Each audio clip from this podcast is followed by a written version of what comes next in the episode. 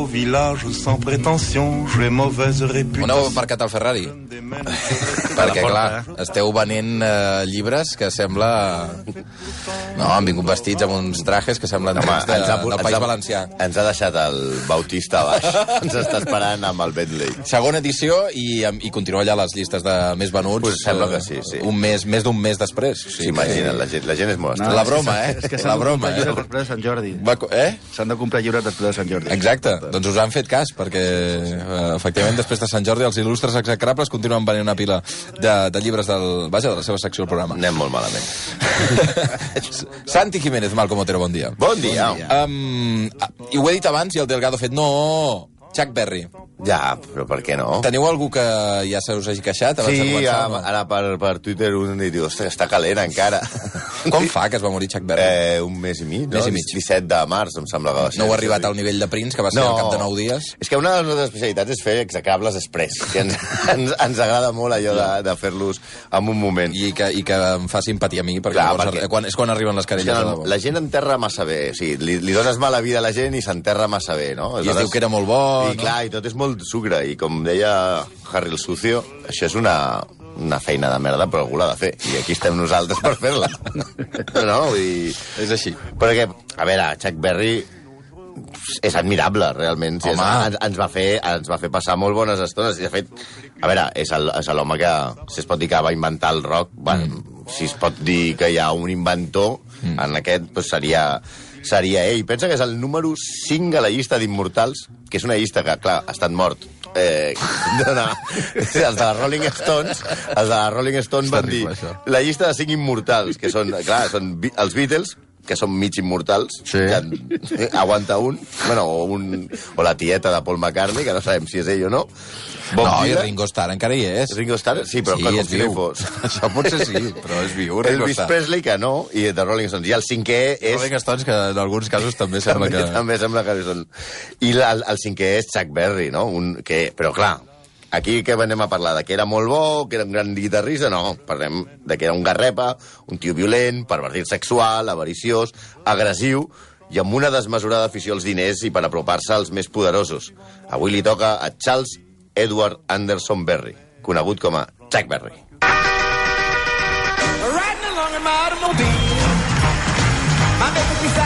The wheel. Hem escoltat, estem parlant del primer el primer Guitar Hero de la història. Sí.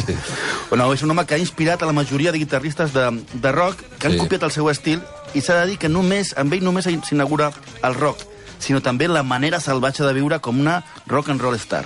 Sí, potser en el seu comportament posterior i els seus problemes que va tenir amb la justícia, que van tenir, va tenir molts, va influir la seva estricta educació. És, és un cas que ja hem vis- viscut amb altres execrables. Sí, passa sovint, sí. Passa sovint, eh? Un pare religiós, molt saber, i aleshores al final el, el, la criatura es, es desvia, no? El pare de Chuck Berry era un diaca de l'església baptista. No, no és l'església pels de l'ESO que adorar el jugador que va estar al Sevilla i al Madrid, eh? No, és una, una, una branca de la religió. Ah, ahir es va revoltar exhibint un comportament absolutament fora de la llei. Però és que en aquest cas també va influir l'escola. Només cal recordar que a la seva escola de Sant Lluís també va anar Tina Turner. Sí o no? Sí. Eren, no, eren companys. No, no però a la mateixa escola, sí. Com a mínim, les reunions d'exalumnes han de ser la polla en aquella escola. Com... Si tots han sortit igual, una juerga que no vegis. Comencem amb els seus múltiples problemes amb la llei, que donen per fer per escriure una enciclopèdia. Va estar tres cops a la presó i la va eludir en dues ocasions més en base d'acords extrajudicials que li van costar un ronyó, una mica com Michael Jackson. Sí. A veure, el primer cop, quan tenia 18 anys, que viatjava, viatjava amb dos amics a Kansas City i el van detenir juntament amb els seus acompanyants per haver robat primer un cotxe i després en tres botigues, una perruqueria, una benzinera i una altra botiga, utilitzant una pistola que van assegurar que s'havien trobat. So, sí, clar, el mateix. Tu què dius? Et trobes amb els col·legues, et trobes una pistola i dius Anem a robar alguna Com- cosa. Vamos a robar. I només ens va donar temps un cotxe i tres botigues. Sort que es van trobar una pistola, perquè si arriben a trobar un bazooka, feien falta los vengadores per detenir-los. Els van condemnar a 10 anys del presó. Però com érem aleshores, al final no en van complir només 3. A la presó, eh, Chuck Berry va organitzar un, un grup de cant, una coral, i tot feia pensar que havia posat seny. Al cap d'un any de sortir del talego va conèixer Temeta, que és la, seva, la que va ser la seva dona, amb qui es va casar i va alternar la publicació dels seus discos, que van començar a escalar posicions a les llistes d'èxits i, i es posava el número 1, era, bueno, a començar el seu gran èxit, i inaugura el seu propi club, el Bandstand, un dels primers locals de música que no s'agregava- no s'agregaven als clients per la seva raça. Està bé, això. Sí, semblava que tot anava bé a la seva vida, no? Sí, però Berry, que en certs aspectes era una estrella del rock una mica estranya, no bevia alcohol, això és indignant, això Berry, això sí que no. Sí, no sé, a rock que no beia. emprenyats amb ell perquè no bevia. No, no, veu, no bevia. I havia estudiat perruqueria. Imagina't, a sobre havia estudiat, era, era perruquer.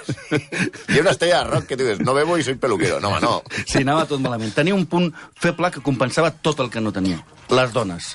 Li agradaven Otoe, però quan diem Otoe és Otoe, Otoe, eh? Al desembre del 59, Berry va a tocar a Juárez, Texas. Sí. Allà coneix una jove anomenada Janis Norin Escalanti, que provenia de Yuma, Arizona, i era d'ètnia Apache. Berry la coneix al concert i ofereix feina al seu club de Sant Louis i la porta cap a, cap a, cap a, cap a Sant Louis, Missouri. Mm -hmm. Desconeixem Aquí tornem a entrar que la, la, les ètnies dels, països, del, dels aborígens americans ens estan donant molt joc en aquest programa. Jo no sé si l'ètnia Apache es desenvolupa molt més precoçment que la resta de la, de la humanitat o Berry tenia seriosos problemes de la vista. Però el problema va ser que la noia en qüestió tenia 14 anys uf, només. Uf. Berry sempre va defensar que ella li va dir que en tenia 21 i s'ho va creure. A veure, un moment, a veure, un moment, xac. O sigui, pot ser que els apatxes es desenvolupin molt, molt precoçment, però entre 17, 18 i 21, mira, encara t'ho pots creure. Però entre 14 i 21, tio, això ni els de l'ESO, tio. Sí, a més de, de patxe, diguem-ne, desenvolupada, la noia era altres coses. Setmanes després de creuar la frontera de tres estats amb Berry, la noia va ser arrestada en un hotel per exercir la prostitució. Per rebaixar la seva pena, la noia va explicar que la policia... Per, per, per rebaixar la seva pena, li va explicar a la policia la seva història amb Berry, que va ser condemnat en virtut de la llei Mann, que prohibeix transportar menors d'edat per fronteres d'Estats Units, en finalitats immorals. Berry, que estava en un moment grandíssim de la seva carrera, va ser condemnat a 5 anys de presó. El que va passar és que el jutge que el va condemnar era un racista absolut. Aquest sí que era Otoe racista. I Només li faltava fer el judici en la caputxa al Cucus Clan i cremar una creu. I aleshores, com que era tan racista, la defensa de Berry el va, va apel·lar i aleshores pues, eh, van reduir la seva condemna a 3 anys. Però ara anem a la part guarreta. O sigui, portem dos Sí. sí. detencions ja. Sí. Dos cops a la presó. Sí, després va tenir una altra per... Bueno, o sigui, és que no ens han capigut totes, eh? hi ha una altra per evasió d'impostos i tal.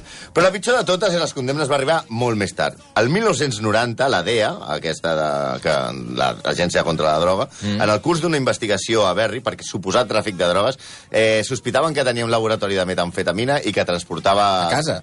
Sí, amb un, local, amb un local que tenia, uh. -huh. que li van buscar les pessigolles per aquí i també que transportava droga aprofitant les seves gires. Acaben fent, li, li fan una, una, una cerca, una investigació, i descobreixen que el, el seu restaurant, el Banstan aquest que tenia, Berry havia instal·lat càmeres amagades al servei de les dones, No! al- als lavabos. Sí. No! Sí, viciosillo, eh? No! La revista Vice fa uns anys va tenir accés a l'informe de l'agència antidroga i el relat que fan de les accions que va gravar Berry fan que Torrente sigui Pretty Woman, eh? Sí, no, per una vegada ens tallarem i no explicarem amb pèls i senyals... Us ho agraeixo. Mai, Sí, sí. més ben dit, No! que el que està escrit en aquests informes és horrorós. Només explicar que els investigadors van agrupar els vídeos en tres categories que semblen de YouPorn. Vídeos de vàters. Bien. Vídeos de batre amb nens. Mal. I vídeos d'acte sexual explícits i perversos. Bien. Bé, com sabem que... Però bueno, a veure, sou morbosos, oi? Voleu que us expliquem una No, miqueta? no, no explic- no, Mira, no una cal, és que no cal, no Una, una coseta, una coseta, una No coseta. cal. Segons consta en l'informe, una, molt ràpid, eh? Berry va començar la seva col·lecció de pornografia de servei, de servei de dones, s'entén, ja el 1956, eh? O sigui, cada setmana Chuck Berry feia que l'enviessin al seu restaurant una comanda de 100 cintes de vídeo a verges, valgui la redundància. Totes les tots els treballadors, les treballadores del restaurant, estaven obligades per contracte a canviar-se de roba totalment en el vestidor del local. I què passava al vestidor? Berry havia col·locat també miralls on podia veure si es cordaven bé el davantal i aquestes coses, no? Mm. Igualment, la seva afició per veure la gent fent pipí i caca No. el va portar a gravar-se ell mateix amb algunes acompanyants fent allò que també es fa molt d'anar al lavabo en grup. Però sense lavabo. No. No sé si m'enteneu, no? No, cal, és que no cal, no cal. Bueno, Òbviament, les cambreres van denunciar Berry, que en plan Cristiano Ronaldo a Las Vegas, en recordeu, va aconseguir evitar el judici amb un acord extrajudicial Però això és pasta, eh? Això és pasta. Segons Bruce eh, Peck, un dels seus biògrafs, la broma li va costar 1,2 milions de dòlars. Com que la DEA necessitava igualment una condemna, Berry va haver de declarar-se culpable d'un petit delicte de tinença i li van trobar a casa seva 60 grams de marihuana. sí, eh, ell diu que sé... 60 grams. Sí, bueno, per, per, per, per, una, per un cap de setmana. No acaben aquí els seus programes amb la llei. Encara hi ha més, eh? El 1988 va ser acusat de colpejar una dona al Gramercy Park Hotel que va necessitar 5 punts de sutura a la boca. També es va salvar del judici pagant gairebé unes, uns 500.000 dòlars. Més, el seu pianista de tota la vida, Johnny Johnson, el va denunciar el novembre de l'any 2000 al reclamar-li l'autoria de 50 cançons, com Maybelline, una de que estem escoltant, que, segons defensava, havien composat junts, però que només signava a Berry. La causa va ser desestimada per una qüestió formal, també li faltava, no li faltava raó. Havia passat massa temps entre la creació dels temes i la demanda. Home, si tu fas les cançons al 1955 i el, el demandes al 2000, home, una mica... Una, una Vas mica una mica- un pèl tard. Un, un pèl tard. És que sembla... Ho vas deixant, ho vas deixant, ho vas deixant... Te va dormir. I ja està. No, però s'ha de dir, de dir una cosa. Per la seva banda, ell també va posar denúncies. A l'any 63, aquí sí ho va fer mm, Dora, Sí. va, de, va demandar els Beach Boys Oh! perquè, amb raó, Loro considerava que la melodia de Surfing USA, aquesta la més famosa Sí. dels Beach Boys, està basada en la cançó Sweet Little Sixteen. Va guanyar i va aconseguir un acord, no sabem la, la pasta, però sí que surt també com a autor de la cançó. tots els, tots els crèdits. royalties de Surfing USA també li anaven amb ell. Pa, tapam, Sí, per comprar li- cintes de vídeo. Ah, està, per, per, per videotapes.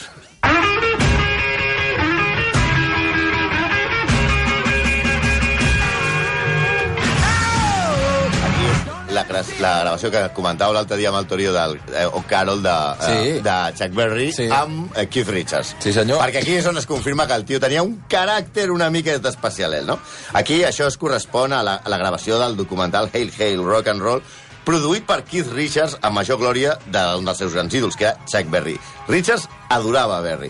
Durant l'assaig de O'Carroll, com estem sentint, Keith executa un punteig amb la guitarra, això ho podeu buscar a YouTube i és brutal.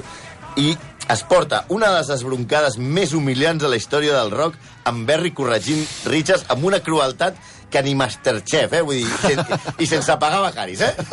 Però van, a, van allà a, a menjar-se'l. Sí, sí, sí, no, Però a no. més, Richards és boníssim a la guitarra. Clar, però... I, clar, per I l'altre li va dir no. I l'altre li va dir no. Però, però a més a més, dir-li, tu ets tonto o què? Sí, no veus que és així, és més alt. I l'altre fa, ho intenta tocar. I per una vegada veus a Keith Richards, que és un puto jefe, Sí, sí. ella, acollonit, Ensorrat. davant d'un senyor de 60 i pico anys que li està fotent una bronca Però tremenda. això no és res el que va passar després d'un concert, quan Richards, que havia anat a veure a Berry, entra al camerino de Chuck i veu la guitarra de Berry a la seva caixa. I clar, com que era un mitòman, l'agafa un moment per veure la, la, la guitarra i aleshores Berry, tranquil·lament, es va aixecar, va anar cap a Richard i li va fotre un cop de puny a la cara. Ningú toca la meva guitarra. Però espera, el que més gran de tot és que Richards, Keith Richards, es, tu, que es, tu li fots un hòstia Keith Richards i dius, ja està, adéu, xatat, adéu, xaval. Però Richards sempre ha comentat i, i ha confirmat ell en entrevistes, es pren aquest cop de puny i totes les, les coses que li va fer Berry com una medalla, o sigui, perquè suposo que per ell que el pegui el teu ídol deu ser satisfactori.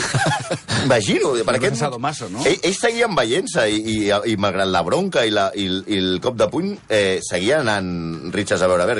Però Berry era un, un, un tarat que es divertia fent coses com llançar-li mistos encesos a Richards mentre tocava i posar-li per sota de la camisa.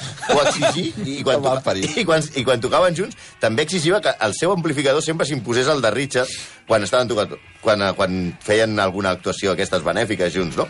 Ja ho va dir el, el legendari guitarrista de Burning, Pepe Risi, que va dir en una revista, en una entrevista, va dir no vull conèixer Chuck Berry. És la persona per la qual em vaig posar a tocar la guitarra, tal com tants altres homes eh, del rock, no? El meu ídol. Però diuen que té molt mal caràcter, que és un capullo. Prefereixo tenir-lo al meu cor. Home, Risi, si totes aquestes putades els hi feia Keith Richards, que era un jefe, imagina't el que t'hagués fet a tu.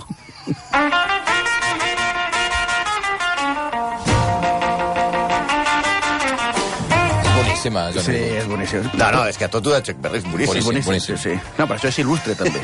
Se- Sembla clar que Berry no seria el millor ambaixador. Però no tenia, no tenia un caràcter, diguem-ne, diplomàtic. Tu, tu imagines allà, mira, vinc en nom de nom. Però això no ho pensaven els de la NASA quan van incloure Johnny B. Good en una de les sondes Voyager que van llançar a l'espai. Això va ser idea de Carl Sagan. en sèrio, l'astrònom va, va triar Johnny B. Good perquè els extraterrestres tinguessin alguna notícia dels altres. la, la, veritat, la veritat és millor que els extraterrestres facin una idea de nosaltres per la música de Chuck que no pel mateix Chuck, perquè el dia que Berry enxapi un alienígena ja que es prepari Darth Vader. Entre la gent que tampoc es portava gaire bé amb Chuck Berry estan també els organitzadors dels seus concerts. La gasiveria de Berry era legendària, així com les trampes que feia per mirar de cobrar més. En un concert a Barcelona, que va venir diverses vegades, Sí. el promotor, després de pagar-li en caix al camerino, abans del concert, i veure amb els seus propis ulls com el Berry agafava el sobre de diners a la maleta, va haver de sentir l'amenaça de que no sortia a actuar perquè no li havia pagat. I l'altre li va dir, diu, però tio, si t'acabo de pagar. Diu, no, demostra-ho.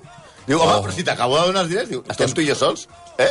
La paraula d'un contra l'altre. Brutal. O pagues o no, o no surto. Aquest era Chuck Berry. Sí, ¿dónde está la bolita? No. També a Barcelona, segons ens explica Dani Costafreda, una de les primeres vegades que va venir a actuar va tenir un problema. Va demanar que l'anessin a buscar a l'aeroport amb una limusina, però a Barcelona en aquella època encara no hi havia limusines. I el van anar a buscar a l'aeroport amb el Mercedes més gran que van trobar i li va semblar un insult i es va quedar assegut com un nen petit sobre la funda de la seva guitarra determinant dient que d'allà no es movia mentre no li portessin una limusina. Saps com el meu nen que diu que no, que no. Berry va tocar, eh, i això veiem, fins als seus últims Sí, dies, senyor. amb, amb, amb molta edat. I això realment va ser contraproduent per la seva llegenda. Però ell preferia els diners. Les cròniques que hem estat buscant dels seus concerts, mm, quan ell tenia més de 80 anys, podrien ser molt cruels, però els cronistes es contenen per respecte a la, a la llegenda que era Chuck Berry. En, el- a, dintre d'aquestes cròniques s'acusa el seu fill, Chuck Jr., que era el guitarrista a la banda d'acompanyament, d'explotar el seu pare. O sigui, ja és una cosa de que un, un, un tio explota a, a, al, al seu pare de 80 anys per portar-lo a tocar. El feia sortir a l'escenari i, i ell, i ell s'equivocava. La banda anava un temps, ell anava un temps diferent, mirava de fer el duck walk aquest i, i clar, un Sí, senyor de ai, 82 pobre. anys ja, Pobre. ja quedava molt malament, o s'oblidava la lletra de les cançons eh, en actuacions que eren bastant depriments i que no estaven a l'alçada de, la, de la seva llegenda, no? Sí, efectivament, el 29 de març del 2008, Berry va actuar a l'auditori Maestro Padilla de Almeria. Imagina't, eh? Berry en Almeria, tour. Amb 82, amb 82 anys. O sigui, tu, clar, clar, és que anava dient, què me falta? Almeria, cony, anem a Però Almeria. si no bevia, potser sí que es això- mantenir. Sí, Clar. però feia tot de drogues. Eh? No, amb, Això però sí. amb, amb motiu de la, de la mort de Berry, el promotor d'aquest concert a Almeria va recordar les aventures que li van passar al Chuck en aquell, en aquell dia amb un article que va escriure al diari d'Almeria, òbviament. Havia dormit, havia dormit a Granada i, i Berry es va entestar a conduir ell de Granada a Almeria. Amb 82 tacos, eh? A 200 per hora. Què dius, home, 200 fins per li van hora? dir, clar, tu imagina't un, un iaio de 82 anys a 200 per hora per Almeria. Dic, sisplau. Però anava sol al cotxe. No, no, no, no, anava- anava gent promotor, que va haver-li de demanar, sisplau, que parés enmig de la carretera de Granada a Almeria, perquè diu, tio, és que ens matarem. I, Sí i, que i, s'havia i, posat a i el. Berry a 200 per hora, amb 82 tacos, veient com Mr. Magú, allò, a tota pastilla per, per, per el cotxe. Una altra cosa que també explica en aquest article, que és boníssima, diu, quan faltaven 10 minuts perquè comencés el show a l'auditori Maestro Padilla, Berry decideix marxar al teatre per anar a veure el restaurant xinès que per contracte havia exigit per sopar després de l'actuació. Que ja ho sap tothom, si vas a Almeria, menjar xinès. Sí, home. I tu dius, què puedes ver de Almeria? Sí, Les Almeria. playas, carboneras, Almeria, el cabo tio. de gata i, i el xino de la cantonada. No, no. Dale. El, va entrar al restaurant i va demanar sopa d'aleta de tauró i alguna cosa més típica d'Almeria Xina, no? Va empaquetar-ho tot i va marxar sense pagar. El promotor, que anava darrere per seguir-lo perquè havia que començar el concert, va, uh, va entrar, va pagar i, i reconeix que va pagar 22 euros. Diu, és el càtering més barat de la meva vida com a promotor de concerts.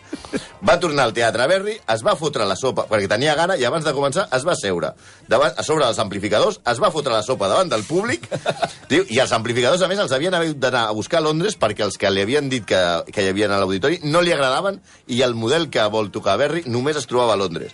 Va acabar-se la sopa, va tocar quatre cançons i apa, va marxar. Boníssim. I va cobrar, clar. I va cobrar. Home, clar. No, és que les úniques actuacions que no cobrava aquest tio eren les que fèiem amb els presidents dels Estats Units quan el convidaven a la festa de presa de possessió.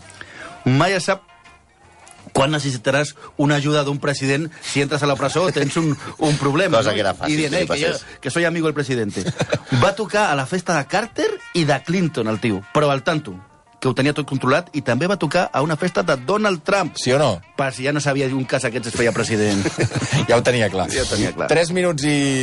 Eh, dos minuts i tres quarts d'onze del matí. Avui Chuck Berry ha passat, eh, vaja, per al filtre dels execrables, ja té el seu carnet eh, un mes i mig després de la seva mort.